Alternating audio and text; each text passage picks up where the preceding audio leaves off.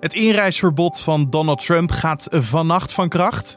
Wordt motorclub Bandido's vandaag verboden door de Hoge Raad? En zijn de nieuwe coronavirusmaatregelen wel genoeg?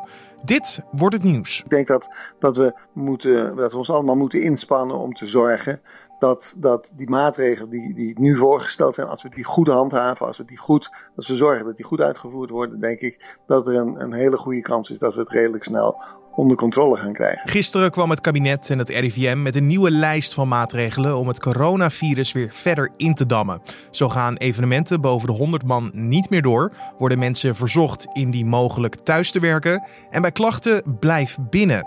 Is dit wel genoeg en wel op tijd? Dat vragen we straks aan viroloog Ab Oosterhaus. Maar eerst kijken we kort naar het belangrijkste nieuws van nu. Mijn naam is Carne van der Brink en het is vandaag vrijdag 13 maart. Het kabinet is volgens premier Mark Rutte niet te laat begonnen met het nemen van ingrijpende maatregelen in de strijd tegen de verspreiding van het coronavirus. Rutte bestreed donderdag in het Kamerdebat over de kabinetsaanpak de kritiek dat het kabinet achter de feiten aanloopt. Hoewel de Kamer de nieuwe maatregelen steunt, vragen verschillende fracties zich af of het kabinet voldoende doet en of er niet eerder hard ingegrepen had moeten worden. Met name het besluit om de scholen niet te sluiten riep bij de Kamer veel vragen op. De Grand Prix van Australië is donderdagavond laat alsnog afgelast. De autoriteiten in Melbourne vinden het onverantwoord om de openingsrace van het Formule 1 seizoen door te laten gaan. Dit hele raceweekend werden er zo'n 300.000 toeschouwers verwacht. In gesprekken kwam naar voren dat een meerderheid van de teams vond dat de race niet moest doorgaan. De FIA en de Formule 1 hebben daarom besloten dat alle activiteiten worden geannuleerd, al dus de organisatie. De Nederlandse co-piloot van een vliegtuig dat vorige maand neerstortte bij de luchthaven van Istanbul begreep de instructies van de Turkse verkeerstoren niet en kon daarom niet op tijd afremmen. Dat meldt persbureau Reuters. Bij het ongeval vielen drie doden en 179 gewonden. Het vliegtuig van Pegasus Airlines had van de verkeerstoren van de luchthaven instructies gekregen om niet te landen vanwege het slechte weer. De Nederlandse co-piloot kon deze instructies echter niet verstaan en zette samen met de gezagvoerder de landing toch in op een natte landingsbaan, waarna het vliegtuig niet op tijd kon remmen en het toestel van de baan schoot. De voorzitter van de Amerikaanse voetbalbond, Carlos Cordero, is vrijdag afgetreden nadat hij had gesteld dat het nationale mannenelftal meer verantwoordelijkheid draagt dan het vrouwenelftal en daarom recht heeft op een hogere vergoeding. In februari spanden de voetbalsters van de nationale ploeg een rechtszaak aan tegen de Amerikaanse voetbalbond voor 60 miljoen euro. Dit vanwege ongelijke betaling. Ze willen een gelijke beloning tussen de mannen- en vrouwenploeg. De Amerikaanse speelsters reageerden donderdag boos en noemden de uitspraken onaanvaardbaar en aanstootgevend. En dan over naar het gesprek van deze podcast. Gisteren maakte de regering en het RIVM nieuwe maatregelen bekend om verdere verspreiding van het coronavirus tegen te gaan. Even een greep uit de maatregelen. Evenementen met meer dan 100 personen in Nederland worden afgelast. Mensen moeten thuiswerken indien mogelijk. En wie koorts of luchtwegklachten heeft, moet sowieso binnen blijven. Een linkje naar de hele lijst met maatregelen zal ik in de beschrijving van deze podcast plaatsen.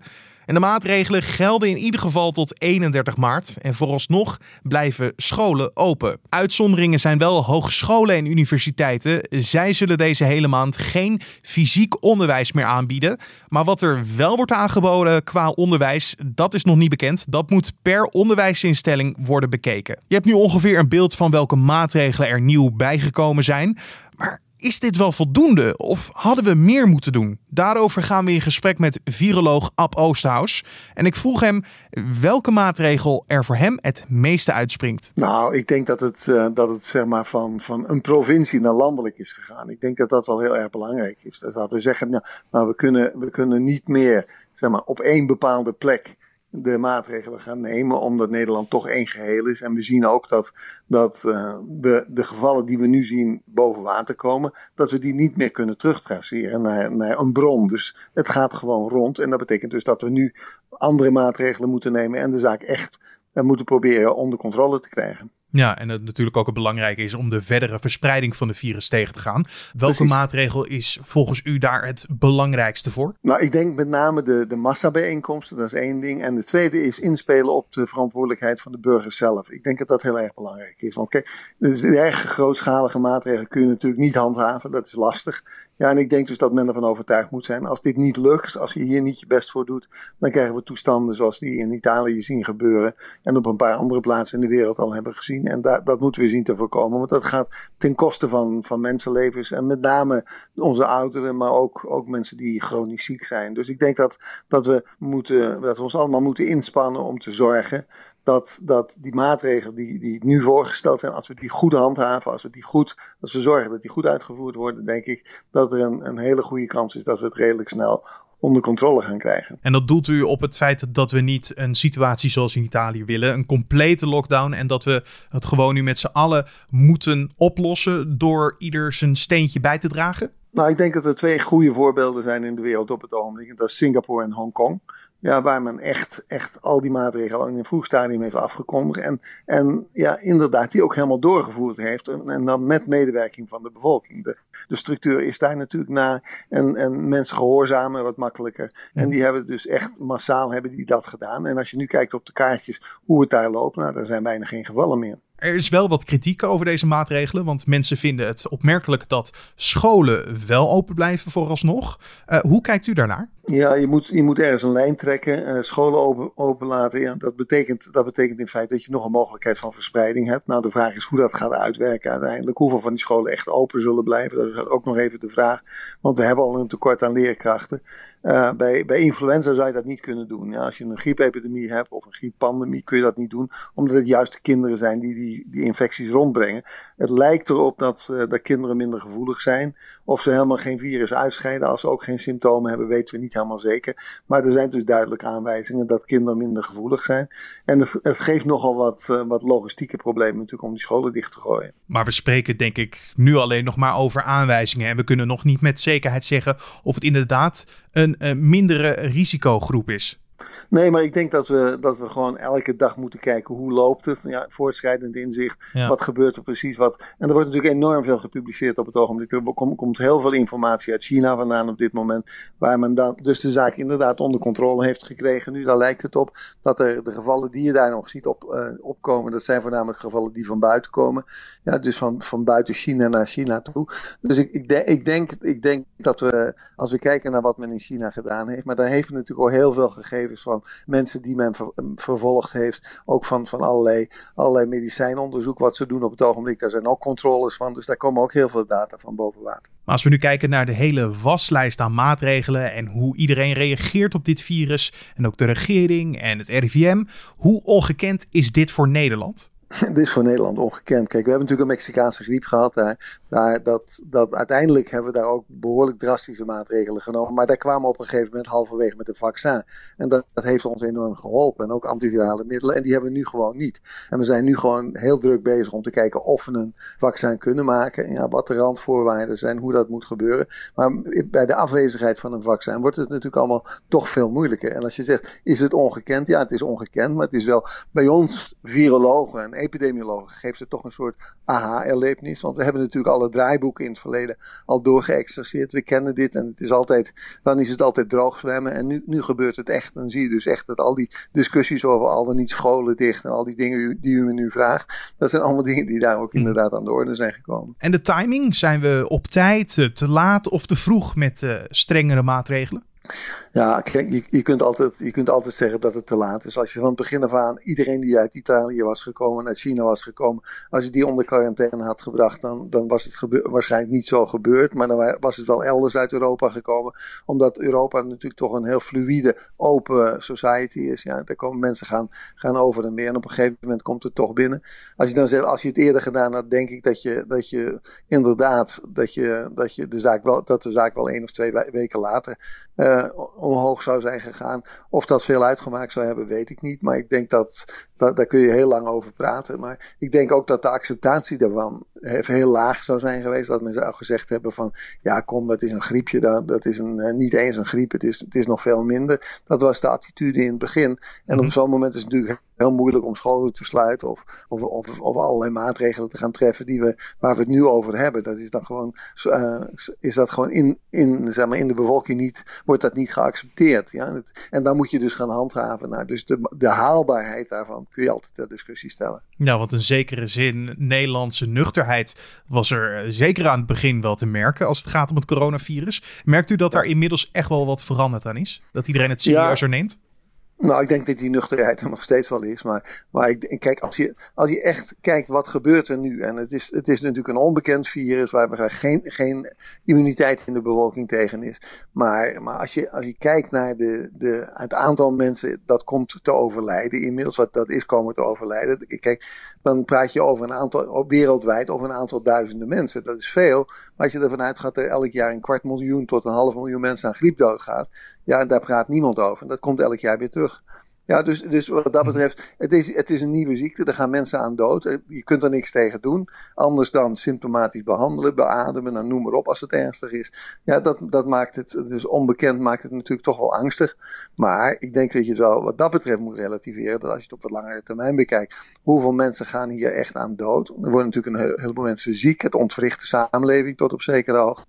Maar als je dan uiteindelijk kijkt, als je het afzet tegen wat er elk jaar op het, op het gebied van, van influenza, dus de normale wintergriep gebeurt, dan is dit nog tot nu toe nog een dwerg. En we moeten, moeten er met z'n allen voor zorgen dat het inderdaad een dwerg blijft. Want de nieuwe maatregelen gelden nu in ieder geval tot en met 31 maart. Als we het hebben over deze periode, is het dan wel genoeg om het virus goed tegen te gaan? Dat valt te bezien. Ik denk dat 31 maar Kijk, als je kijkt hoe lang het in China gedaan, heeft. Dat is van december tot. Eh, nou, nu gaat het, echt, gaat het echt terug. Als dat doorzet, inderdaad. Dat, dat weten we ook niet helemaal zeker. Is toch een maand of drie, vier. Ja, dus dat, dat, ja, dan denk je, kijk, als je alles uitvoert zoals je het uit moet voeren, dan kun je een aantal dingen, kun je, kun je een aantal dingen makkelijker gaan doen. Maar nogmaals, ik denk, mhm. ik denk dat het daar heel erg belangrijk is dat we, dat we onze, onze, onze verantwoordelijkheid als, als individuele burgers gewoon nemen. En allerlei dingen die we vroeger deden, dat we die gewoon niet meer doen. En dat je op die manier inderdaad het mogelijk maakt om die, om die in ieder geval die piek te vermijden. Want dat is natuurlijk het allerbelangrijkste. Als, als je een hele grote piek in een hele korte periode krijgt en dat is, dat is, bij griep kan dat ook gebeuren. Maar hier lijkt dat wat extreem te worden, omdat er zoveel mensen gevoelig zijn. En er, is natuurlijk een behoorlijk aantal van de mensen is, is, is in, die, is in de hogere leeftijd op het ogenblik. Ja, dat zit, dat zit ergens tussen de 10 en de 20 procent, een beetje afhankelijk van wat je als, als bejaard uh, aangeeft. En dan heb je nog een behoorlijk aantal mensen die, die zeg maar uh, chronisch ziek zijn, diabetes, en hartkwalen, noem maar op door alle leeftijden heen. Dus dan heb je toch een behoorlijke groep die gevoelig is. En die wil je niet allemaal op één moment, ja, als daar, een zeker percentage daarvan komt op de intensive care. En daar wil je inderdaad intensive care mogelijkheden voor hebben.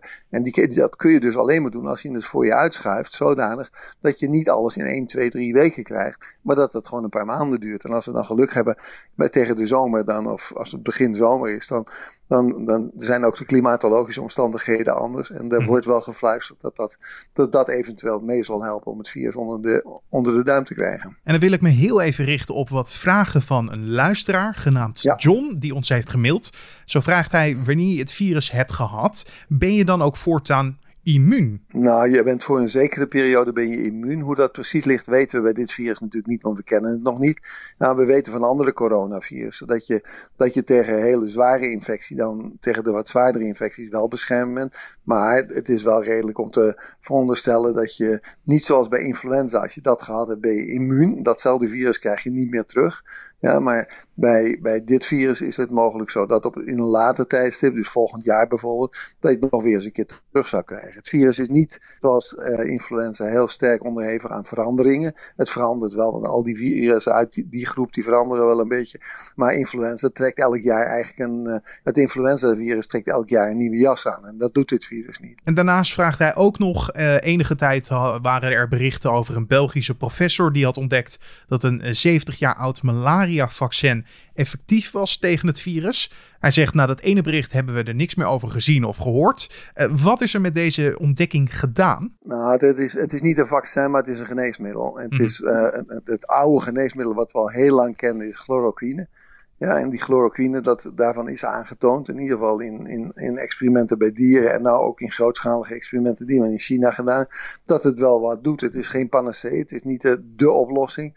Maar er, is, gaat wel een zekere werking vanuit. En of dat echt gebruikt gaat worden. Er wordt natuurlijk op het ogenblik heel, heel veel onderzoek gedaan.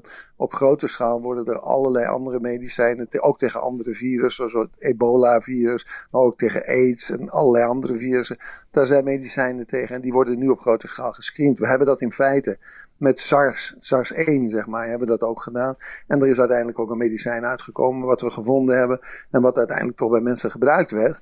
Maar toen was, dat was aan het eind van de, van de epidemie, zeg maar. In Canada is dat toen nog gebruikt. Maar het was eigenlijk nauwelijks meer nodig. Want we, door, door alle andere maatregelen, waarvan we nu ook hopen dat het gaat werken, was het toen al onder controle gebracht. Ja, maar je zou kunnen zeggen dat dit misschien dan een stukje van een hele grote puzzel is die je moet uitzoeken. Absoluut. En er zijn, er zijn, meer, dan, er zijn meer dan 200 verschillende trials lopen er op het ogenblik alleen in China al. Ja. Dus gewoon onderzoeken met groepen mensen om te kijken of bepaalde geneesmiddelen werken. Nou wordt het in China natuurlijk steeds moeilijker als het inderdaad daar gaat verdwijnen. Dus, dus we moeten er wel klaar voor zijn om dit soort medicijnen te kunnen testen op grote schaal. En ik wil heel graag afsluiten met de vraag: uh, wat volgens u nu de grootste uitdagingen gaan worden? Ja, u, u vraagt het mij als viroloog. Ja? Dus, dus in principe de grootste uitdaging is natuurlijk om, uh, om, om inderdaad ervoor te zorgen dat dat virus zich zo weinig mogelijk verspreidt. Zodanig dat, voor de, zodanig dat, voor de, bedreiging, dat de bedreiging voor de volksgezondheid dat die, dat die gereduceerd wordt. En dat met name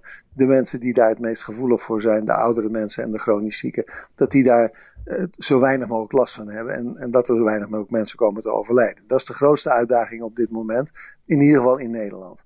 En de, de, de, direct daarmee verbonden is inderdaad dat we, dat we mensen in Nederland ervan van overtuigen dat, dat dit een massale inspanning is die we met z'n allen moeten doen. Dus niet meer op reis, niet meer nou, voetballen, voetballen en zo, daar hoeven we allemaal niet meer over te praten. Dat, dat is allemaal al geregeld. Maar dat je ook aan dat soort dingen strikt houdt. Ja? Dus dat je die grote bijeenkomsten niet naartoe gaat en dat je zoveel mogelijk probeert thuis te werken. En als je ziek bent, ja, ongeacht, of je dan, dus ongeacht of je echt het virus hebt, want dat is gewoon geen doel meer op een gegeven moment om dat allemaal uit te zoeken. Maar als je dus luchtwegklachten hebt, dus zeg maar je grieperig voelt, je krijgt koorts, ja, blijf dan thuis voor een aantal dagen. Je hoorde viroloog Ab Oosterhuis. En dan kijken we nog even wat er verder op de agenda voor vandaag staat.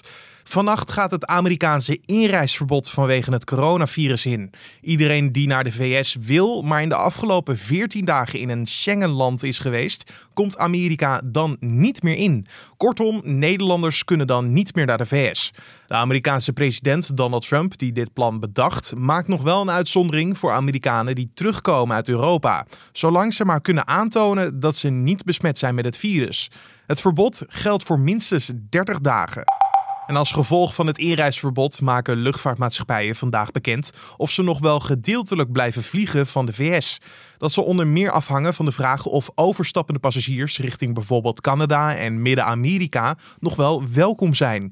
De vraag is of de KLM anders met vrijwel lege stoelen naar de VS blijft vliegen. Zo niet, dan is dat een groot probleem voor Nederlanders die nu in Amerika zijn en terug naar huis willen.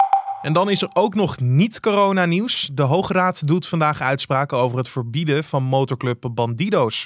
Eerder besloot het gerechtshof al dat de Nederlandse Bandido's Motorcycle Club Holland en dienstafdelingen verboden mochten worden, maar dat dat voor de wereldwijde club niet kon. Daarover is het laatste woord nu aan de Hoge Raad. En Bandido's zou naar verluid rivaliseren met andere motorclubs, gebruikt geweld en dreigt daarmee, al dus het OM. En dan nog even het weer. De dag begint bewolkt met veel buien in het land. Daar kunnen ook hagel- of onweersbuien tussen zitten. Later op de dag wordt het vanuit het noorden droog en kan zelfs de zon gaan schijnen. Het wordt niet warmer dan 9 graden vandaag. En om af te sluiten nog even dit. In deze uitzending hebben we het natuurlijk gehad over alle maatregelen die nu zijn genomen om het coronavirus tegen te gaan. Een van die maatregelen is het niet door te laten gaan van evenementen waar meer dan 100 mensen bij aanwezig zijn. Maar hoe gaat dat de komende maanden eruit zien? Bijvoorbeeld voor het grootste muziekspektakel van Europa.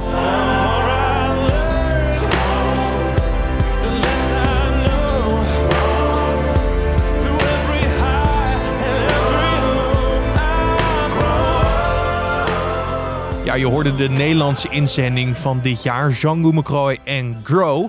De grote vraag op dit moment is: kan uiteindelijk het Songfestival ook wel doorgaan vanwege het coronavirus.